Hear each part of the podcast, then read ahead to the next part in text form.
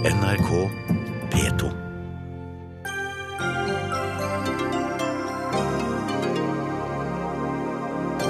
Stor spenning før morgendagens valg i det internasjonale fotballforbundet. Uefa trekker sin støtte til sittende president Sepp Blatter etter det siste døgns aksjoner mot Fifa. Festspillene i Bergen inviterer dansere fra Fiji for å vise hvordan oljeindustrien ødelegger øysamfunnet, samtidig som Festspillene lar seg sponse av Statoil. Er det dobbeltmoral, eller er det modig? Vi har ikke kapasitet til å ta imot flere enn knapt 2000 ekstra flyktninger, sier kommunene. Nei, vent litt, vi har visst kapasitet om vi bare får mer penger fra staten, sier KS i dag. Slutt dette snakket om penger, vi nordmenn spiser potetgull for det 10 000 syriaflyktninger koster per år, hevder Norsk Folkehjelp. Og Arbeiderpartiet brukte Palestina som PR-triks, hevder SV, for i dag stemte Ap mot å anerkjenne Palestina, selv om de egentlig er for.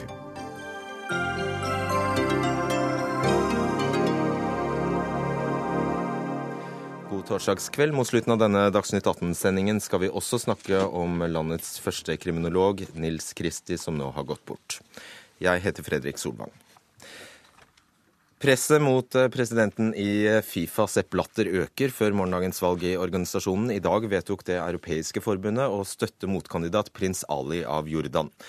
Det bekreftet eh, Uefa-president Michel Platini på en pressekonferanse i ettermiddag. Dermed går det mot et åpent og veldig spennende valg i Fifa. Andreas Seljås, du har skrevet eh, mye om Fifa som kommentator på nettstedet sporten.com. Hva tror du er hovedårsaken til at Uefa har samlet seg og snudd seg mot Sepp Blatter nå?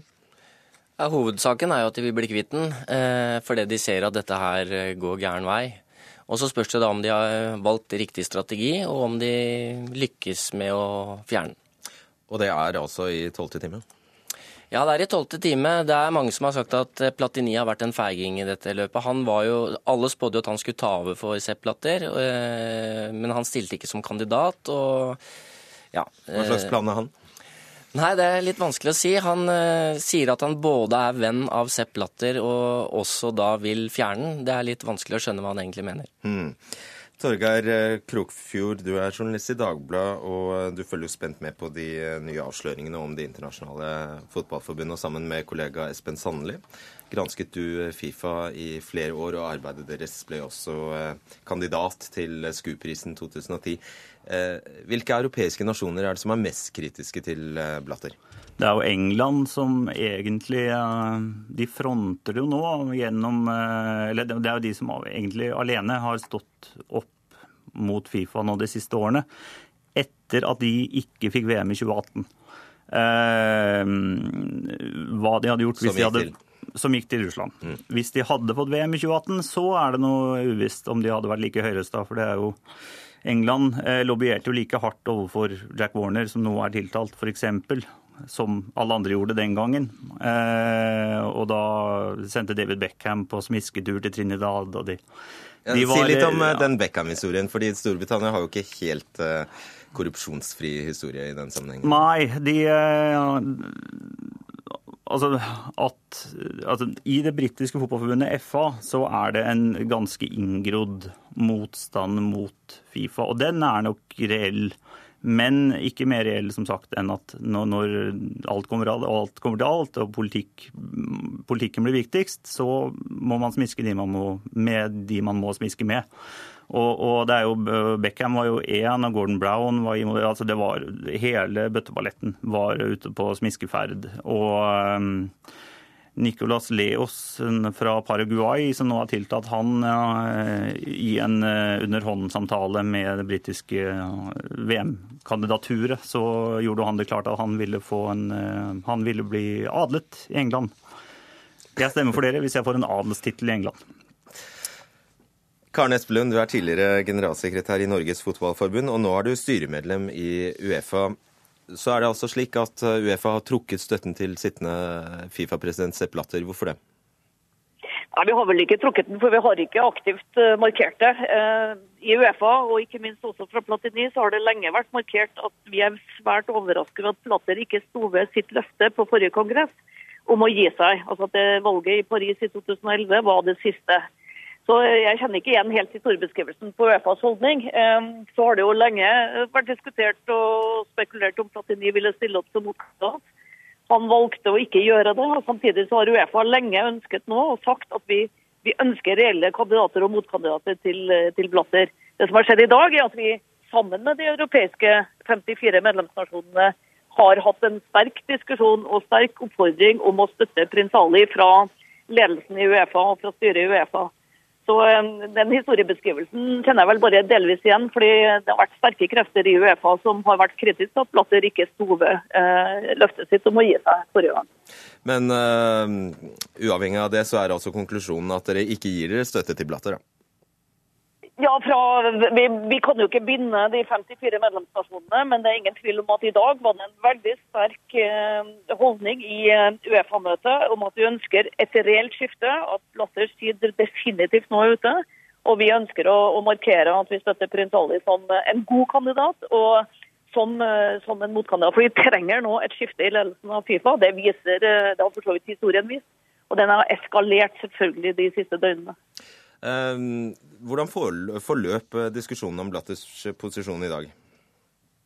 Den forløp eh, ryddig og greit. Prins Ali hadde en eh, god eh, tale til de europeiske forbundene. Van Prag, som jo trakk sitt kandidatur, den hollandske fotballpresidenten, slik at man har én motkandidat i morgen, hadde også en sterk oppfordring om å støtte prins Ali.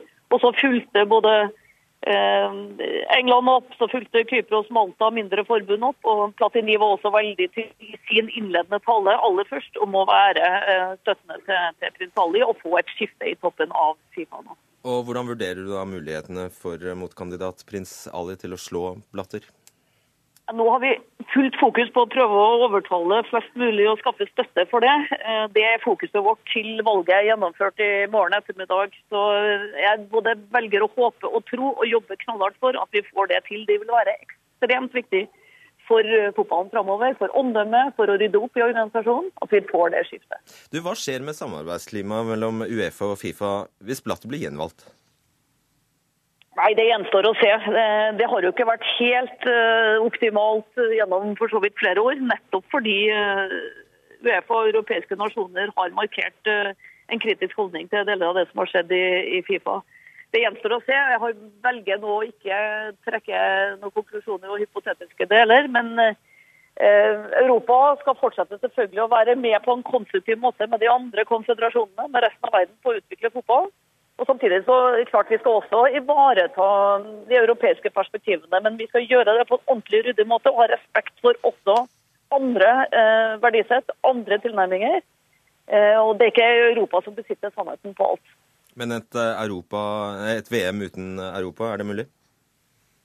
Det blir å spekulere selvfølgelig mulige konsekvenser. For det vi har sagt i dag, er at hvis vi nå ikke når fram med at prins Ali vinner valget i morgen, og at vi får et skifte i Fifa, så får eh, vi sette oss ned og diskutere hva er da konsekvensene. Når vi må fortsette eh, et lederskap under en president som har eh, misforvaltet denne organisasjonen over så lang tid. Takk skal du ha, Karen Espelund. Du skal videre til et intervju med BBC, vet vi. Andreas eh, Seljås, eh, hvilke muligheter har eh, denne motkandidaten prins Ali av Jordan? Det er litt usikkert å si. Jeg tror han har større mulighet til å vinne enn hvis det hadde vært en europeisk kandidat. Uefa er upopulære blant de andre konføderasjonene. Å gå til konfrontasjon er styrke bare Blatters posisjon, i hvert fall har gjort det til nå. Eh, og så har de da funnet en eh, prins fra Jordan som skal fronte deres sak. Det er litt uh, morsomt nesten at en prins, eh, prins, fra Jordan skal sørge for demokrati i Fifa. Som er broren til en diktatorisk eh, konge i ja, Men han har en uh, idrettsmaktpolitisk bakgrunn. Han har hatt søsken som har vært i IOC, og han har vært president i jordanske fotballforbundet og er visepresident i Fifa nå. Så han, han er en maktpolitiker og en sterk person. Det som er spennende å se nå, det er om Uefa ikke bare greier greier å enes om en person, men også at de har begynt å telle stemmer og se muligheten for at han kan faktisk vinne. 209 nasjoner har stemmerett. Alle har én stemme hver. Krokfjord, hva kan du si om USAs rolle i den saken? Eh, det er jo interessant at det er eh, amerikansk, amerikansk politi, FBI, som eh, egentlig i den grad de har Altså de, Selvfølgelig har de funnet nye ting, men mye av det som nå har blitt en svær politisak, er jo informasjon som har ligget via medieoppslag og via den granskingsrapporten til, til Michael Garcia, eh, som ble feid av gårde. Så er jo dette ting som, En del av det er jo ting som har ligget åpent i offentligheten i 20-30 år, og som Fifa selv har vært klar over. Men det er jo når penger berører amerikanske kontoer, og det er, når det er innenfor Det har jo vært i andre saker. Victor Boot, våpenhandleren, ble jo også tatt av FBI, selv om han ikke egentlig er en amerikansk kjeltring. Um, men at, eh, så Det er jo en prisverdig innsats FBI har gjort. Men å si at amerikansk, altså amerikansk fotball, amerikansk soccer, er et bedre sted enn andre steder, Chuck Blazer, som nå uh, lenge var Jack Warners våpenlanger. Og uh, uten å grave for dypt i juryboksen, så er han i hvert fall en like stor kjeltring som mange andre her. Uh, som nå er FBIs kronvitne. Han har jo også skitna hendene sine i 20 år før han nå valgte å snakke. Vi skal høre med deg, Tove Bjørgaas, vår korrespondent i Washington. Ja, eh, Krofjord nevner denne Chuck Blazer, som altså er en eh, amerikansk fotballkamp som har en eh, sentral eh, rolle i denne etterforskningen. Hvor, på hvilken måte har han det? Han satt altså i styret i, i Fifa eh, og gikk derfra i 2013 og har beriket seg i aller høyeste grad på lik linje med de andre som er siktet her. Eh, men det som skjedde var at han hadde også unnlatt å betale sin skatt til USA i fem år. Eh, og dette her endte i 2011 da han ble tatt igjen på en scooter på Fifth Avenue av FBI-agenter som sa at nå setter vi enten på deg håndjern eller så samarbeider du med oss. Han valgte å gjøre det siste og, og ble altså dermed et kronvitne som hadde på seg Eh, mikrofon og avlyttingsutstyr da han hadde møter med andre Fifa-topper i London eh, i, i 2013, og, klarte dermed å skaffe FBI eh, de opplysningene de trengte for å gå videre med saken. Men han er som blir sagt her, overhodet ikke uskyldig. Han har beriket seg på akkurat samme måte som de andre. Soccer er jo ikke blant de aller største idrettene i USA, men hvor mye oppmerksomhet får denne saken? Den får mye oppmerksomhet. Soccer er en enorm altså Fotball er en veldig, veldig stor sport. Eh, breddeidrett her. Nesten alle barn jeg kjenner spiller fotball, og, og den blir også stadig større, f.eks. på TV. og Det var Chuck Blatter eh, jobbet han veldig hardt for at f.eks. man fikk egne TV-kanaler her som, som sender eh, soccer. Eh, men det som man også selvfølgelig sier, er jo typisk uh, det amerikanere gjerne liker å si, at europeerne klarer ikke å rydde opp i slike saker som dette, så det må amerikanere til for å, for å ta ta tyren ved hornene og sette i gang en, en virkelig etterforskning. Eh, men så er det jo også slik at eh, det, altså det interamerikanske fotballforbundet var veldig sterkt involvert eh, her. Og, og, etterforskningen, mange av de bevisene som har kommet frem nå, dreier seg om det som også foregikk der. Og mange av dem, et stort flertall av dem som er siktet, er jo enten fra Latin-Amerika eller fra USA. Morten Jentoft, du har vært korrespondent i Moskva. og Russland, som har fått tildelt VM i 2018, er altså involvert i denne Fifa-skandalen. Ehm, dette har, altså Det at USA har gått i front når det gjelder etterforskningen, det har ikke gått president Putin hus forbi? Nei, det har det absolutt ikke gjort. Han eh, kom jo på banen for fullt i dag. Det ventet jo alle at han ville gjøre, i og med at han har vært såpass sterkt involvert i tildelingen av fotball-VM her i 2018. Og han eh, ser jo da som gammel eh, konspirasjoner her, konspirasjonene som står i kø, og de mener jo han er styrt fra USA. Dette mener han er da et forsøk fra USA på to ting. For det første å hindre da valget av av Sepp Blatter for en ny periode. Og for det andre så er det også, mener man fra russisk side, at dette er et forsøk fra amerikanerne på å stikke kjepper i hjulene for eh, det VM i fotball som Russland allerede er tildelt. Og Man ser jo også storpolitiske uh, uh, nyanser i dette her også. da. man mener det at amerikanerne driver da sin verdensjustis da utenfor amerikansk territorium, og at dette bare er nok et eksempel på, eh, på, det som skjer ellers i verden, der amerikanerne tar seg til rette. Så det var virkelig en kraftsalve som Vladimir Putin fyrte av her i dag. Og alle i Russland er helt overbevist om at Russland fikk fotball-VM i 2018 med helt rene midler? Nei, det er man selvfølgelig absolutt ikke. Og, og, og, mange har jo også her reagert på denne enorme pengebruken som er i forbindelse med, med, med, med fotball-VM. Vi så jo også en enorm pengebruk i forbindelse med Sotsji-OL eh, i 2014. Nå fortsetter pengene å, eh, å, å, å, renne ut. Det har vært snakk om 100 milliarder norske kroner. Noen snakker om at det er for lite. 200 milliarder snakkes det om. Det bygges nye stadioner overalt. Det bygges nye flyplasser. Dette dette er også en viktig motor i russisk næringsutvikling akkurat nå. sånn at det har jo denne, dette fotball-VM har også en, en betydning for, for hele utviklingen i Russland de nærmeste årene. Seljås, eh, som vi hørte, president Putin har altså reagert på USAs rolle. Hva forteller det oss? Nei, Dette er storpolitikk, eh, og det ser du jo i søknadsprosessene til VM. Eh, alle statslederne er involvert. Skal, den dagen det skal avgjøres, så er det taler fra Putin og Obama og prinser og sjeiker. Så dette er storpolitikk. Og hvis Russland skulle miste dette, som jeg ikke tror, så er det et stort prestisjenederlag for Russland. Så jeg Samtidig så tror jeg det er litt spill for galleriet. Han gosser seg litt også, tror jeg, over at eh, det er så mye bråk. Krokfugl, vil si noe? Ja, eh, bare et innspill om, eh, om, den storpolitiske biten her.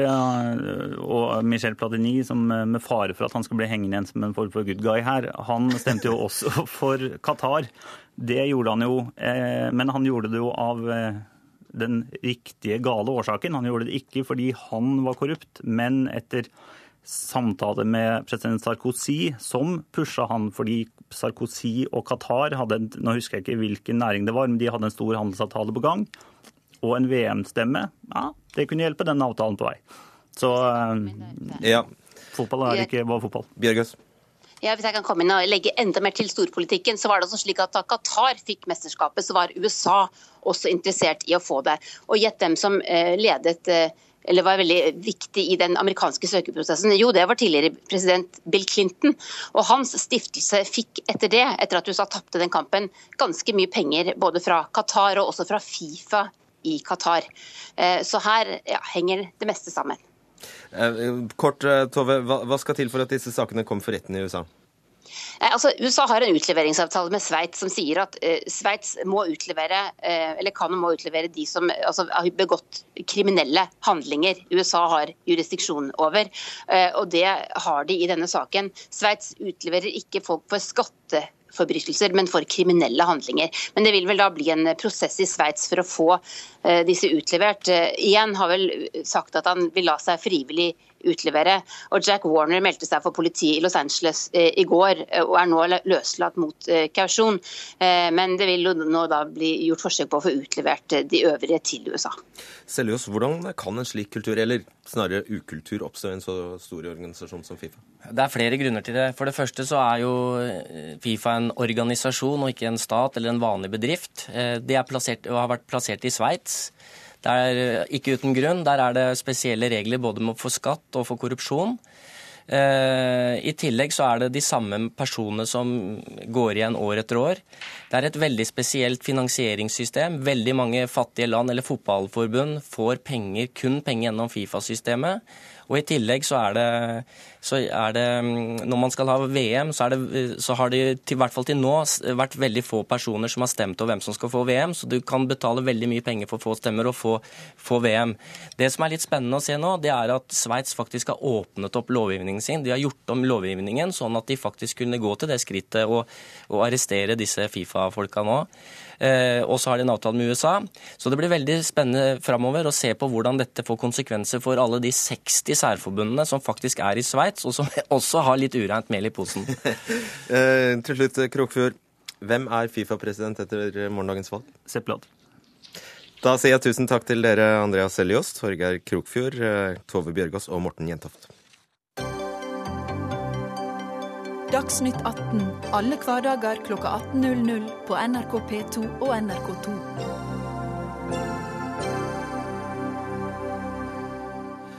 Festspillene i Bergen får kritikk for dobbeltmoral. For eh, Festspillene som åpnet i går, har invitert dansere og artister fra Fiji. Som i en forestilling skal vise hvordan øygruppene er i ferd med å synke pga. globale klimaendringer og økt havnivå. Samtidig er det Statoil som er en av Festspillenes hovedsponsorer. Dette reagerer du på, Ragnhild Freng Dale. Du er doktorgradsstipendiat i antropologi ved Cambridge-universitetet. Hvorfor det? Eh, man setter seg jo et litt eh, merkelig moralsk spagat når man på den ene siden eh, ønsker å sette disse problemstillingene på agendaen, men samtidig da tar imot penger fra og er med på å legitimere et petroleumsselskap som slipper ut mange av de stoffene som nettopp er med på å drive den globale oppvarmingen som fører til havstigning. Hvorfor det? Hvorfor det, er det en spagat? Fordi at sponsorrelasjoner er en eh, er med på å legitimere et selskap sin virksomhet, er med på å si at det de gjør altså Da blir man en del av Statoil sin reklamekampanje, da, kan du si. Anders Beyer, du er direktør for Festspillene i Bergen, og, og, du sitter godt der i studio på Minde, eller kanskje står du i spagat, som Freng Dahl hevder?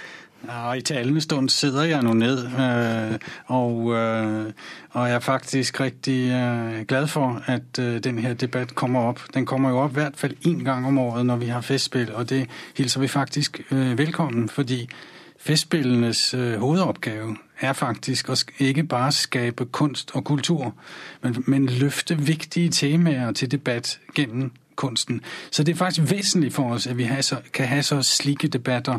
Vi ønsker denne debatt og andre debatter velkommen. Hvis du leser programmet, så vil du kunne se at vi tar eh, emner opp som ytringsfrihet og religioners kvinnesyn osv. Og øh, Stopp oljesponsing får oppmerksomhet om sin sak, og det er en viktig diskusjon. Og det er vi takknemlige for. Vi, vi tar denne diskusjonen som vi tar så mange andre diskusjoner opp. Men ta stilling til det Freng Dale faktisk sier, at det er feil å la seg sponse av Statoil og samtidig sette dette på agendaen.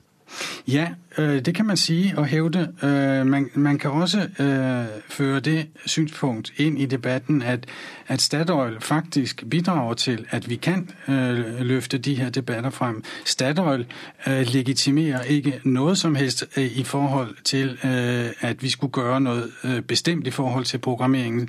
Statoil blander seg overhovedet ikke i det, i det kunstneriske program eller debatterne, Så man kan si at at, øh, at Statoil faktisk øh, gjør det mulig at vi kan øh, foretas noen slike debatter. Ser du ikke det, Frengdale? Men da må man jo likevel spørre seg altså, hvor avhengig er Festspillene av Statoil? Hvor stor del av midlene kommer derfra? Man kan si I forhold til vores øh, kommersielle partnere, så opplyser vi jo ikke noe om hvor, hvor, hvor, store eller små beløp, men øh, det er jo offentlig kendt, at for å være hovedsamarbeidspartner, så skal man minst bidrage med en million kroner. Så det kan du i hvert fall ta som et, et, et utgangspunkt. Er det da vesens, altså Kunne man gjennomført dette arrangementet uten Statoil som sponsor? Altså, øh, Hvis spørsmål øh, og hvis ikke spørsmål Jeg har lavet festivaler for øh, en million kroner andre steder i verden. Det der gjør det mulig å lave det, en av Europas viktigste festivaler, det er faktisk at vi har et levende og, og godt samarbeid med vores kommersielle partnere, vores ambassadører og vores sponsorer. Og her, er, her spiller Statoil en viktig rolle fordi vi har et felles verdigrunnlag om at dyrke morgendagens helte, altså den enorme talentmasse der er, øh, ikke kun innenfor realfag, men også innenfor det kunstneriske felt. Så i den forstand så ønsker vi at, at speile vores felles verdigrunnlag i den målsetning om at fremme unge norske talenter. Men her ser man jo et øh, problem i forhold til altså Man har jo sett øh, Statoil var jo med å sponse Bylarm i mange år, men trakk seg ut der rundt da det begynte å bli bråk. Og da er så som det vanskelig for kunstnere å uttale seg kritisk mot Statoil når eh, når man er sponset av de, enten direkte gjennom Morgendagens helter eller indirekte gjennom deltakelse på festivaler. Ja, altså det, det, er jo så ikke en problematikk som, som vi har opplevd. Altså vi, vi, vi, ja, når jeg sitter her og taler om den viktige sag, som er uendelig viktig Jeg kommer lige fra et møte med øh, Norske Veritas Germani Charlotte, som har sustainability som et av de, deres viktigste hovedområder, altså bæredygtighet. Og det er et, et, et utrolig viktig for dem. Og det er det for enhver seriøs virksomhet som, øh, som, som laver øh, kommersielle aktiviteter. Og fremtiden fremtiden blir da at vi skal ha fokus på det her. Man behøver jo ikke ha gått på videregående skole for å finne ut av at vi blir så mange mennesker på denne jord at vi blir sørme nødt til å passe på den. Okay. Ja, eh, Freng Dale, eh, jeg regner med at uh, du selv har gått på norsk skole og at du deltar aktivt i det norske samfunnet. og da, da, er det jo uvegelig slik at på et eller annet punkt så har du, eller hele tiden, nyter du godt av oljepenger. Så hva er forskjellen? Det er sant, men eh, penger som kommer fra det offentlige er jo en del av det offentlige demokratiet som vi kan være med på å ta del i og prøve å forandre på. F.eks. For gjennom debatter. Eh, mens penger som kommer fra en privat sponsor, selv om staten er hovedaktør i Statoil, så er det ingen av oss som har direkte innflytelse på virksomheten deres. Så Statoil er et spedalsk selskap for deg, da? eller? Det har jeg ikke sagt. Statoil gjør veldig mye godt for veldig mange mennesker. Statoil er en viktig arbeidsgiver i Norge, men de driver også med virksomhet som er problematisk. Samtidig som de Altså, de er, skal i gang med boring i New Zealand, og det var akkurat en delegasjon fra maoriene som var på generalforsamlingen til Statoil nettopp for å protestere mot dette. Deres forretningsplan er et scenario fra Det internasjonale energibyrået som går mot en 3,64 graders oppvarming. Det er ikke forenlig med togradersmålet som Norge som nasjon er forpliktet til. Mm. Beyer, det er jo et poeng. Statoil gjør veldig mye kontroversielt, og dere kunne vel sikkert, hvis dere hadde giddet, finne andre sponsorer?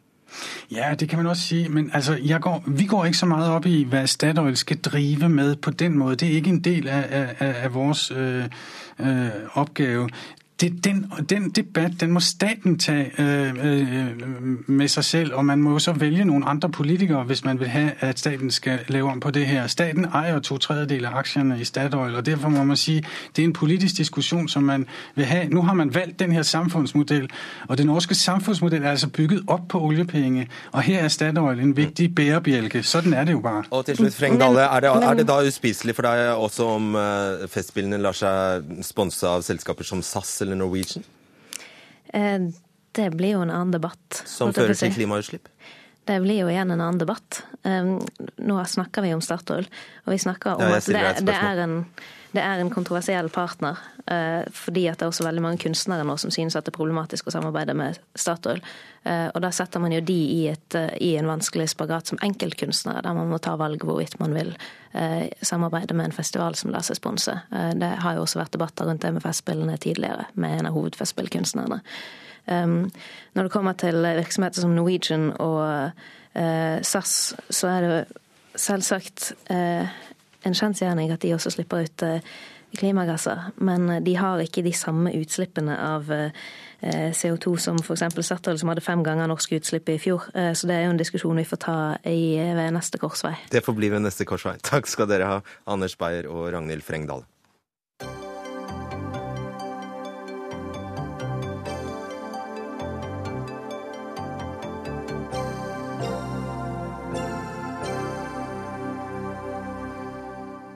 Om lag halvparten av landets kommuner har sagt at de kan ta imot 1780 ekstra flyktninger i år og neste år. Men i ettermiddag kom KS, som organiserer kommunene, med nye beregninger som viser at hjerterommet til kommunene vokser, bare de får mer penger per flyktning fra staten. Gunn Marit Helgesen, styreleder i KS. Det er veldig så elastisk, denne evnen til å ta imot flyktninger, er bare dere får mer penger? Nei, KS har sagt det samme hele tiden, at uh, vi blander oss ikke inn i hvor stort antall Norge skal påta seg av forpliktelser. Men vi har sagt at dersom vi skal gjøre en god jobb, dersom flyktningene skal få det tilbudet som vi som samfunn har sagt de skal få, så koster det penger. Og da må man gi kommunene uh, ressurser, slik at man kan utføre oppdraget på en god måte. Det har KS sagt hele tiden, og det sier også landsstyret enstemmig i dag. Og så sier dere at vi kan ta imot flere, bare vi får mer penger. Nei, vi sier at uh, kommunene har tross alt fått et brev ja. fra statsråden om hva er kapasiteten i Kommune-Norge, uh, og uh, hvilke faktorer påvirker eventuelt hvorvidt man kan ta imot flere. Da sier vi det samme hele tiden, at hvis de betaler det det koster, så er det mulig å bosette flere. Det er det jeg sier. Ja, men det har vi sagt hele tiden. Det er ikke noe plutselig i dag. Det var det som var mitt poeng. Dette har KS sagt hele tiden, at dersom man ønsker denne dugnaden, så sitter staten på rammebetingelsene. Da må man betale og sette kommunen i stand til å gjøre en jobb. Så er penger ett spørsmål, men det er jo flere elementer. Ja, ja, vi skal komme til dem. Ja. Men, men hvor mye mer må du ha? Nei, Det vi har sagt er at, det har vi sagt hele tiden i konsultasjonene med regjeringen også, at hvis man øker integreringstilskuddet slik at det er fullfinansiert, og det er i dag på 746 200 kroner per enslige voksne flyktning. Ja. Hvis man øker det slik at det ikke er 90% men 100% så tror vi at det er mulig at flere kommuner vil si at OK, da er det iallfall ingen For det er ikke noe ledige midler i kommunebudsjettene til å gjøre en ekstrainnsats. Da tror vi kanskje at det er med på å si at OK, hvis vi dekker alt det som det koster ekstra, så er det mulig å kanskje få bosatt. Hvor mange da? Nei, Det er det kommunen som bestemmer. Vi har ikke noe tall på det, men vi har gjort noen beregning på hva det ville koste hvis man skulle eh, si, håndtert noe av de tallstørrelsene som nå Stortinget eh, opererer med. Og da har vi sagt at Hvis man øker det ordinære investeringstilskuddet, og hvis man også gir et stimuleringstilskudd for 2015-2016, slik at man kan også avhjelpe den køen som sitter i mottak, eh, så snakker vi om 400 eh, millioner kroner kanskje å, per år for å bosette flere flyktninger enn vi gjør. Hvor mange flere? Nei, Da mener vi at det kan komme opp til 12 eh, 000. Men det er igjen kommunene som må si at de har evne til å gjøre det. Men det koster, har vi sagt. Det skjønner jeg. Også det dere sier er at ok, her ser vi at folk går til grunne på asylmottak. Vi ser det er en flyktningkatastrofe i Middelhavet. Gi oss litt mer penger, skal vi vurdere å, å hjelpe dem? Nei, Ja, det er, det er, et godt forsøk av programlederen å late som om det er kommunene som ikke vil. Det Vi har prøvd å si, vi prøver å kartlegge hvor mange kommuner har ekstra kapasitet, hvor mange kommuner kan gjøre en ekstra innsats. Det vi har sagt hele tiden er at dette koster penger, og det må staten bidra med, for det er staten som sitter med de økonomiske rammebetingelsene. Det har vi sagt hele tiden, det er ikke noe nytt. Det vi har fått bekrefta i dag, er at eh, nå vet vi at en del kommuner sier at ja, det er mulig, eh, kanskje, fordi vi også kjenner på det ansvaret. Eh, det er ansvarlige kommuner som ønsker å bidra i den fellesdugnaden. Da eh, må man også eh, få de ressursene som trengs for å gjøre denne jobben. Det er det som er hovedbudskapet nå. Da, da ofrer man ikke litt asfalt for å ta imot flyktninger? Da ofrer man ikke asfalt. Nei. Kai Morten Terning, statssekretær i Barne-, likestillings- og inkluderingsdepartementet for Frp. Ja, har du disse pengene? Ja, altså Jeg er helt enig med KS at det koster penger å integrere de flyktningene som kommer til Norge. De skal ha et skikkelig opplegg, de skal ha norskopplæring, de skal ha arbeidstrening, de skal ha et sted å bo, de skal ha helsehjelp, barnehage, skole. Og denne regjeringen har prioritert økt integreringstilskuddet. Siden vi tiltrådte, så har vi økt med 300 millioner kroner. I år så er det ca. 90% av gjennomsnittlige kostnadene. Det, betyr, det har ikke vært så høyt Hvorfor ikke 100? Siden, det har ikke vært så høyt siden 2009. Nei, nei, det er greit, men så vi har virkelig prioritert dette. Nå må også si det at Dette er gjennomsnittlige kostnader for alle kommunene. Og Det betyr at noen kommuner som har lavere kostnader f.eks. til bolig og lønninger osv., vil komme bedre Aha, ut av det. Så noen går i pluss? Noen kommuner, også hvis de er flinke på å integrere de som kommer, hvis de får de ut i arbeid og utdanning ganske tidlig, så vil en kunne gå i pluss. Så den lille 10 er også en motivasjon. Men vi lytter på de innspillene som KS og kommunene gir på økonomi. og Derfor har vi prioritert å gi 300 millioner kroner ekstra siden vi tiltrådte. Ja, Men også sier kommunene det er ikke nok, da. Det vil, alltid, det vil alltid kommunene si, og det ville jeg òg sagt hvis jeg var kommune. Men vi har prioritert 300 millioner, og vi kommer til å lytte på innspill fra KS videre òg. Okay. Uh, Erik Sivertsen, du er innvandringspolitisk statsmann for uh, Arbeiderpartiet. Uh, er det virkelig kommunenes økonomi som skal avgjøre om vi skal avhjelpe den nøden vi nå ser? Nei, eh, for Arbeiderpartiet så er det viktigste at vi hjelper flest mulig mennesker. Vi må hjelpe i nærområdene med akutt bistand og hjelp der. Så må vi hjelpe med gjenbosetting av de som er så, i så sårbare grupper at de ikke kan fortsette livet sitt der de opprinnelig levde. Eh, og da er det eh, I går så siterte jeg Jean-Claude Rolf og sa at altså, der det er hjerterom, så er det også husrom. Og Jeg mener jo at de svarene som vi nå har fått inn fra, fra kommunene, viser nettopp det. Eh, mange kommuner har snudd og vendt på det og sagt at vel, vi får til å ta så mange eh, flere. Vi må justere litt på noen, der det er hjerterom, er det også husrom, bare vi får litt mer penger? Ja, Noen sier det, men noen sier også at vel, vi får til å bosette, bosette, flere. Og Landsmøtet i Arbeiderpartiet var jo tydelig allerede da vi fatta det vedtaket på at hvis vi skal få til en så stor nasjonal dugnad, hvis vi skal gjøre dette løftet, så er vi forberedt på i partnerskap med kommunene å diskutere ja, hvilke Eh, hvilke skranker må fjernes for at vi skal lykkes med det her. Så i korthet så ville du ha vært villig til å gi disse ekstra pengene? I Arbeiderpartiet så er vi i hvert fall eh, villige til å ta på alvor de signalene vi får fra KS og de kommunene som, eh, som kommer noen med innspill på hva som trengs for å lykke, lykkes med det her. Så tok ikke jeg med meg noe sjekkhefte i dag for å skrive ut den sjekken på gitt antall millioner kroner. Men vi vil i hvert fall sette oss ned og diskutere ja, hva kan vi få til sammen. For vi må få til en nasjonal dugnad. Det gjør vi sammen, ikke i konfrontasjon med hverandre. Liv Tørres, du er generalsekretær i Norsk Folkehjelp. og Hvis jeg har forstått deg rett, så er du ganske lei av disse regnestykkene, rett og slett? Ja, jeg begynner å bli ganske grundig lei, det må jeg innrømme. Og det er ingen av de aktørene som sitter rundt bordet her sin skyld, men det er jo noe med at de siste dagene så sitter folk, inkludert i pressen, og regner disse regnestykkene opp og ned. Og i mente og tallene øker, litt avhengig av, tenker jeg, kanskje hva noen har en agenda om. Igjen ikke rettet til dere.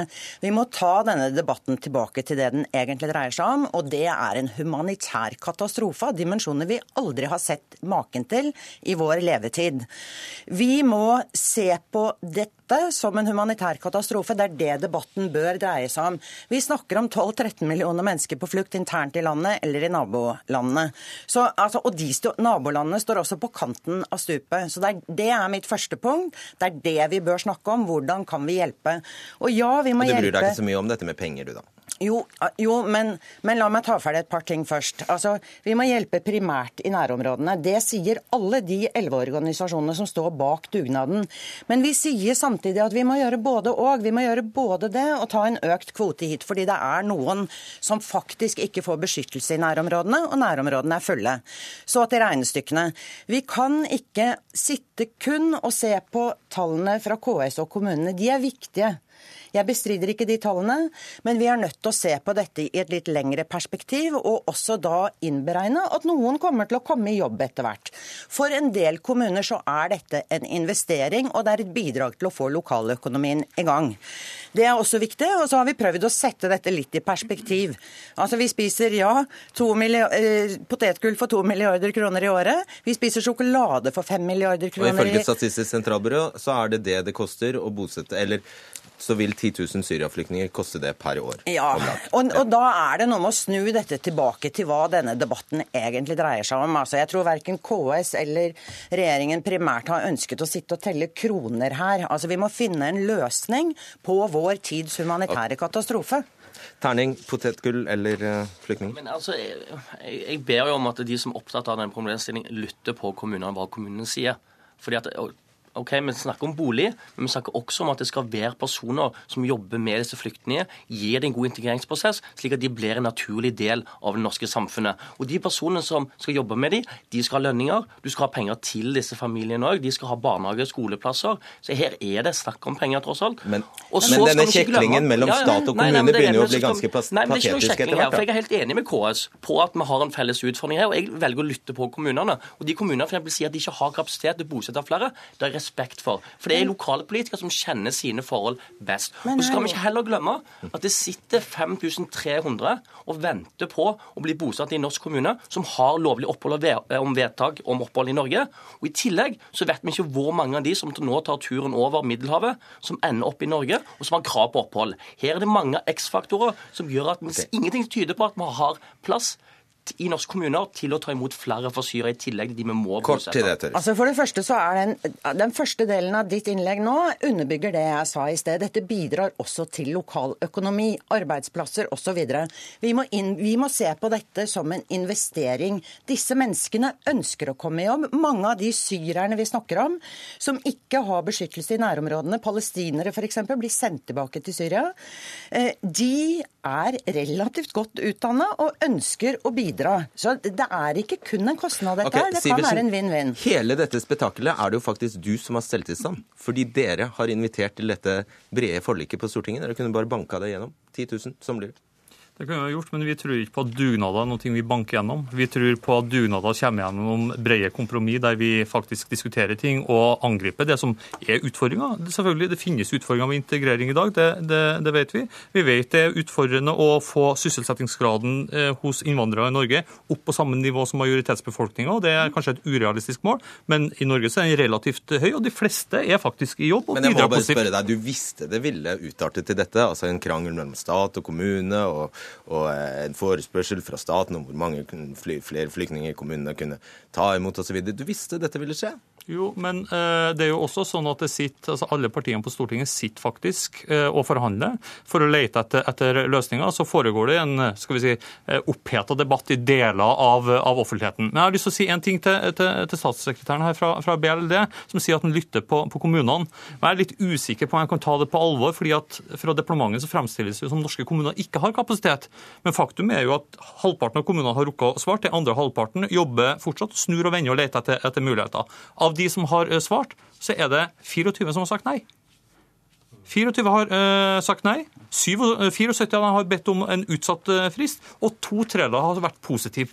Så det er jo en vilje til å finne uh, løsninger, og det er før Stortinget har overhodet lovt noen ting som helst av ekstra ressurser. Ja, Helge Hel- Hel- Helgesen, kan du svare meg på én ting? Hva er logikken, eller Hvorfor skal ikke dette også måtte gå utover kommunale budsjetter? Det er jo en prioriteringssak.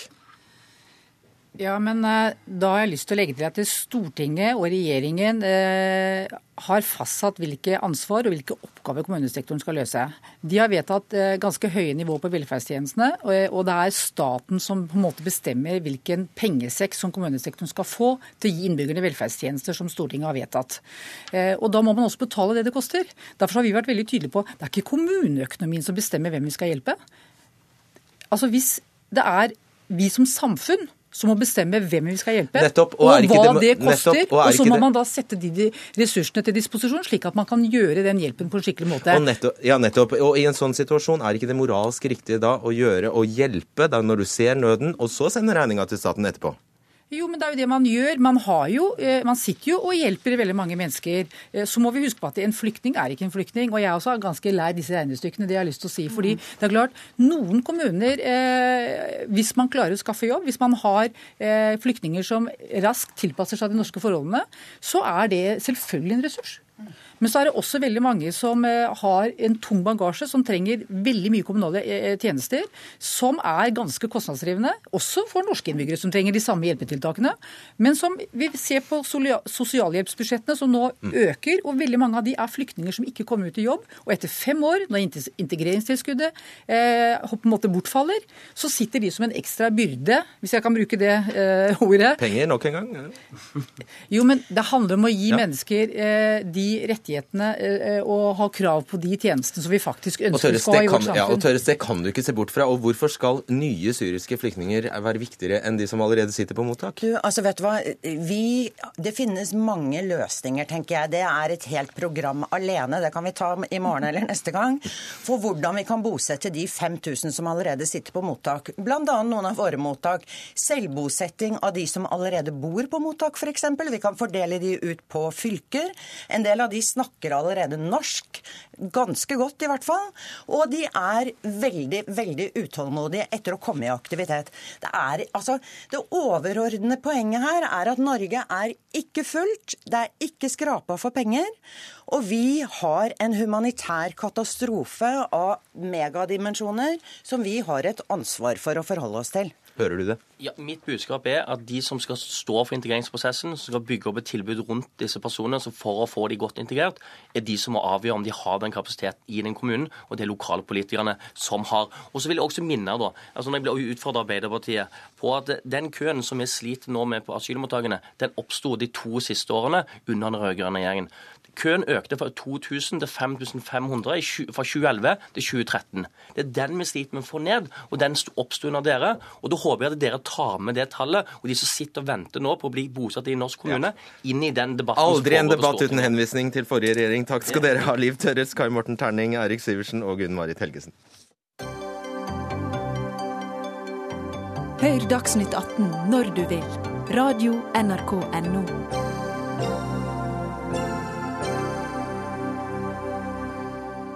Ja, Til stor applaus og jubel vedtok Arbeiderpartiets landsmøte å anerkjenne Palestina som egen stat. Vedtaket ble omtalt som historisk. Likevel stemte de i dag, altså Arbeiderpartiet, sammen med de borgerlige partiene imot SVs forslag om å anerkjenne Palestina. Snorre Valen, du er stortingsrepresentant for eh, SV. Ja, Dette er vel omtrent den største bjørnetjenesten du kunne ha gjort palestinerne. For nå ser det ut som Det norske storting bare har ett parti i seg som, som vil anerkjenne Palestina. Ja, det, det er det nesten de partiene som stemte mot, som bør eh, svare for. Det er du som har skapt situasjonen.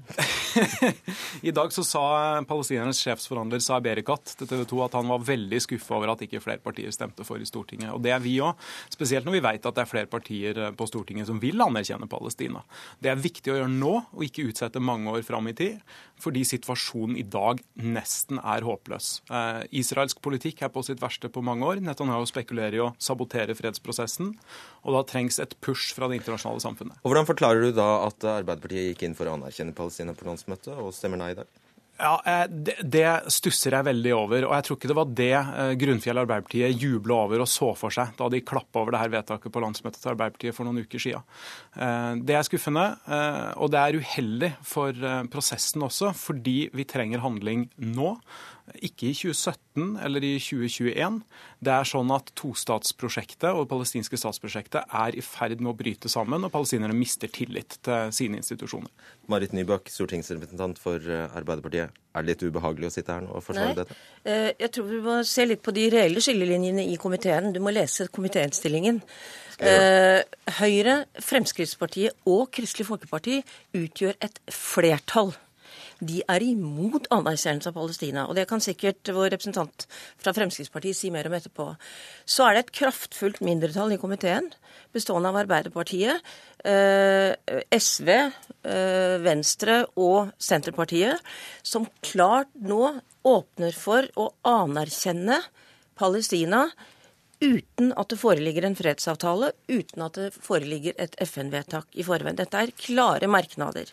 Og det er klart at Grunnen til at vi gjør dette, bortsett fra at vi også vedtok det på landsmøtet vårt, det er jo at selv om vi gjennom mange år har jobbet for en tostatsløsning som et resultat av en eh, fredsprosess, forhandlingsresultat, hva er det som skjer nå? Det skjer absolutt ingenting. Det er ingen fredsprosess, ingen forhandlinger. Derfor åpner vi for at Palestina bør anerkjennes som stat. Men nå tror jeg det er flere enn meg som er, blir forvirret her. Det har altså vært et SV-forslag oppe til votering i dag, og Arbeiderpartiet om anerkjennelse av Palestina. Arbeiderpartiet som er for å anerkjenne Palestina, stemmer imot. Stemmer det? Det som var oppe i dag, var en innstilling fra utenrikskomiteen om et forslag fra SV om å be regjeringen Okay. Eh, vi har lagt inn i Så dere vil ikke be regjeringen? Et øyeblikk. Vi ja. har lagt inn i den innstillingen våre klare merknader, som vi dessverre ikke har fått flertall for. Fordi Høyre, Fremskrittspartiet og Kristelig Folkeparti har flertall. De er mot anerkjennelse av Palestina på, det nåværende tidspunkt. ikke sant? Så er det slik i norsk politikk at vi driver jo ikke utenrikspolitikk på bakgrunn av private forslag fra, fra enkeltrepresentanter. Vi driver heller ikke uh, instruksjonspolitikk i forhold til regjeringen på utenrikspolitikk. Allerede i 1977 så vedtok jo Stortinget at utenrikspolitikken var regjeringens prerogativ, som det heter på finspråket. Altså at det er de som bestemmer. Så er det slik at det er debatter, det er interpellasjonsdebatter, og det er klare merknader i komiteene som, som uh, regjeringen må forholde seg til. Og utenriksministeren har altså fått et kraftfullt mindretall nesten halvparten av Stortinget, som sier klart fra at man bør anerkjenne Palestina dersom det ikke er noen fredsprosess, eh, og dersom bosettingene fortsetter, de ulovlige annekteringene av palestinsk jord. Rydde litt for oss, veldig kort. Ja, altså, nå er det jo sånn at Vi mange ganger vedtar politikk i Stortinget som både er på tvers av regjeringas ønske og som har bare ja, bare et litt privat forslag. Altså, det var innføring av etiske retningslinjer i oljefondet òg. Eller dagens vedtak i finanskomiteen om å trekke oljefondet ut av kull mot regjeringas vilje, som har store internasjonale ringvirkninger. Vi syns at når vi har parlamentarisme i Norge, så er det ikke å gå for langt å be regjeringa om å forberede en anerkjennelse av Palestina. Det hadde vært et nyttig og viktig arbeid for å få fart på fredsprosessen i Palestina igjen. Og dessverre så blei vi og Miljøpartiet De Grønne stående alene om det, sjøl om vi har kommet langt. Og sjøl om jeg er veldig glad for at Arbeiderpartiet og Venstre og Senterpartiet åpner for å anerkjenne Palestina uten at det foreligger en fredsavtale først. Og det, det er skille, får jeg lov til å si at det er her skillelinjene går. Jeg er mest uenig med altså, Frp, jeg altså, det, det, er, det, er, det er et, et, flertall som ikke vi er en del av, ja, som går imot anerkjennelse. Men, det er faktisk historisk at Arbeiderpartiet for det første på sitt landsmøte, og nå i en innstilling fra utenrikskomiteen, går inn for å anerkjenne Palestina om nødvendig uten en fredsavtale, uten et forhandlingsresultat. Kristian ja, Norheim, du er altså stortingsrepresentant for Fremskrittspartiet. Hva er den praktiske konsekvensen av dette? Står dere nå sammen med Arbeiderpartiet? Det, altså, Vi står jo eh, sammen om å avvise dette forslaget. Ja. står dere sammen S med Arbeiderpartiet om å avvise dette forslaget, og dermed avvise å anerkjenne Palestina? Forslaget er jo eh, avvist. SV sitt forslag om å anerkjenne Palestina på nåværende tidspunkt er avvist. Og det er veldig bra, eh, fordi dette vil ikke styrke eh, prosessen i retning fredsforhandlinger. Dette ville snarere ha svekket det. Dersom land etter land nå med, med parlamenter skal gå for en anerkjennelse før man har et FN-vedtak Ja, Det har jo bare 135 land tidligere gjort. Ja, og det er litt sånn diskusjonstema hva de egentlig har gjort. F.eks. det britiske parlamentet så var det en halvfull sal som vedtok dette her. I det spanske parlamentet så uh, endra man teksten i siste liten og fikk i realiteten uh, vedtak på at man ikke skal anerkjenne før en fredsprosess er i gang. Så det er litt ymse hvordan man bruker dette her. Men det som er realiteten, er jo det at vi kan ikke anerkjenne en stat før det faktisk er en stat på plass. Eh, og det er ingen palestinsk stat nå, så jeg lurer på de som da ønsker å anerkjenne, enten det er Arbeiderpartiet eh, i lengden her, før eventuell fredsprosess, eller SV ved Snorre Valen, som vil anerkjenne nå. Hva skal man egentlig anerkjenne? Hva slags palestinsk stat anerkjenner man? Hva slags lederskap anerkjenner man? Anerkjenner man også terroristorganisasjonen eh, Hamas, som styrer på Gaza-siden av det palestinske territoriet? Det er veldig mye uavklarte spørsmål her. Svar på det, Nybakk. Ja. Eh, år etter år etter år etter år har altså denne giverlandsgruppen holdt på, som også Norge for øvrig leder. Eh, og spørsmålet er hva i all verden har de fått til? Hvor langt har de kommet i, retning av en statsdannelse? Eh, hvor langt har de kommet i retning av en fredsprosess? Eller for den saks skyld, øh, å få til en, en løsning. Og, og, vi mener at dersom man ikke får en forhandlingsløsning, øh, ikke sant og, og, dersom, dersom Og det tidspunktet er jo omtrent nå. Det er nå. Vi er nemlig ja, ikke der er Så hvorfor stemmer nei til dette forslaget? Dette forslaget gikk ut på å be regjeringen gjøre noe, og det gjør man ikke i utenrikspolitikk. Det er like kraftfullt. Vi gir uttrykk for våre synspunkter i en eh, mindretallsmerknad sammen med Senterpartiet og SV og, og, og, og øh, Venstre. Og det kommer helt klart fram, det er faktisk historisk det Arbeiderpartiet mm. gjør, i forhold til at vi legger inn i, i komitéinnstillingen det vi også vedtok på landsmøtet. Snorre Valen, skal dette vedtaket på Arbeiderpartiets landsmøte da eh, tolkes slik, en, eh, slik, slik, at det er ikke før Arbeiderpartiet sitter i regjering at dette blir aktuelt for ja, deres del? Det er jo det Arbeiderpartiets leder sier sjøl. Og jeg syns det er litt spesielt å vente til man sjøl eventuelt sitter i regjering for å gjennomføre eller stemme for politikken man er for, spesielt med tanke på at dette er en ganske prekær situasjon. Hvis Arbeiderpartiet skulle tape valget i 2017, noe som jeg håper håper ikke skjer, men det kan skje. Så må vi vente til 2021. Og der er tostatsløsninga død. Når det gjelder Nordheim sitt spørsmål hva slags palestinsk stat vi skal anerkjenne, så er det jo den samme palestinske staten som er medlem i Den internasjonale straffedomstolen, som er medlem i UNESCO, som er anerkjent og oppgradert i FN. Det er, jo, altså, det er jo sånn at En rekke internasjonale institusjoner mener Palestina oppfyller alle kravene til å være en stat. Og jeg legger mer lit til UNESCO, til Den internasjonale straffedomstolen, enn jeg gjør til Fremskrittspartiet i det spørsmålet. Altså, det avviser man jo at Palestina nå oppfyller kravene. Det avviser man faktisk i innledningen til innstillingen på, som vi har eh, vedtatt i dag. Eh, det som kommer til å skje eh, nå framover, er at begge partene må vise større politisk vilje til å komme hverandre i møte. Palestinerne må ta et oppgjør med det som skjer på Gaza, med terroristene som styrer der. De må også vise større vilje Eh, til å få orden i eh, lederskapet sitt. Og så må israelerne roe ned bosettingspolitikken sin. Så med din resept så blir aldri Palestina anerkjent? Jeg håper at eh, jeg en dag kan si at nå skal vi gå for en anerkjennelse av en palestinsk stat. Vi er også for en tostatsløsning, men vi kan ikke anerkjenne noe som bare er en drøm. Først er det riktig at vi kommer til å anerkjenne Palestina hvis vi kommer i regjering i 2017. Men vi forutsetter jo, og vi håper jo, at den nåværende regjeringen og den nåværende utenriksministeren har kommet mye lenger før det. Eh, det er derfor vi gir dette signalet som vi tross alt har gitt. Jeg skjønner det. Tusen takk skal dere ha, Marit Nybakk, Snorre Valen og Kristian Nora.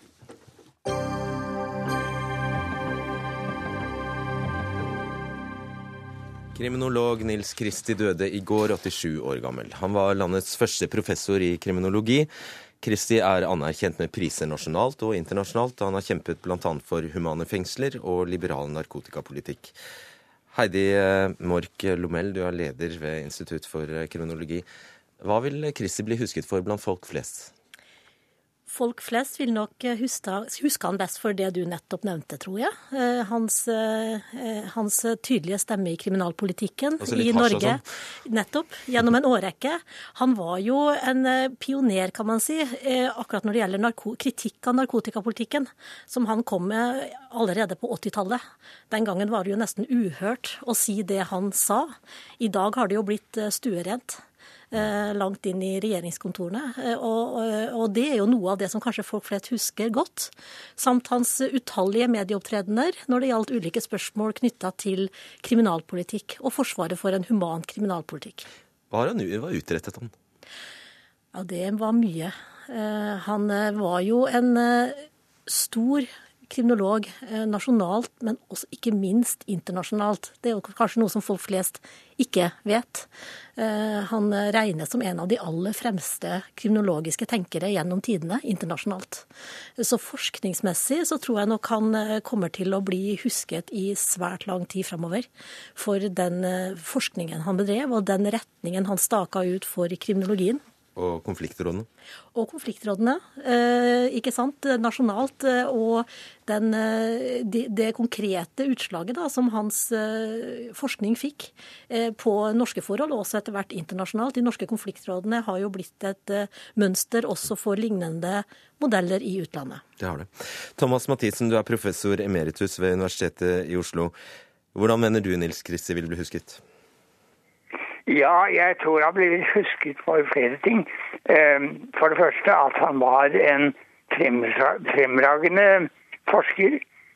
Og en veldig interessert lytter til studenter og andre som ville gjøre det litt annerledes enn det er i verden på kriminalitetens og andre områder. Det, det, det gjelder det generelle. Men så var han også en person, etter min mening, som jo gjorde oppfinnelser.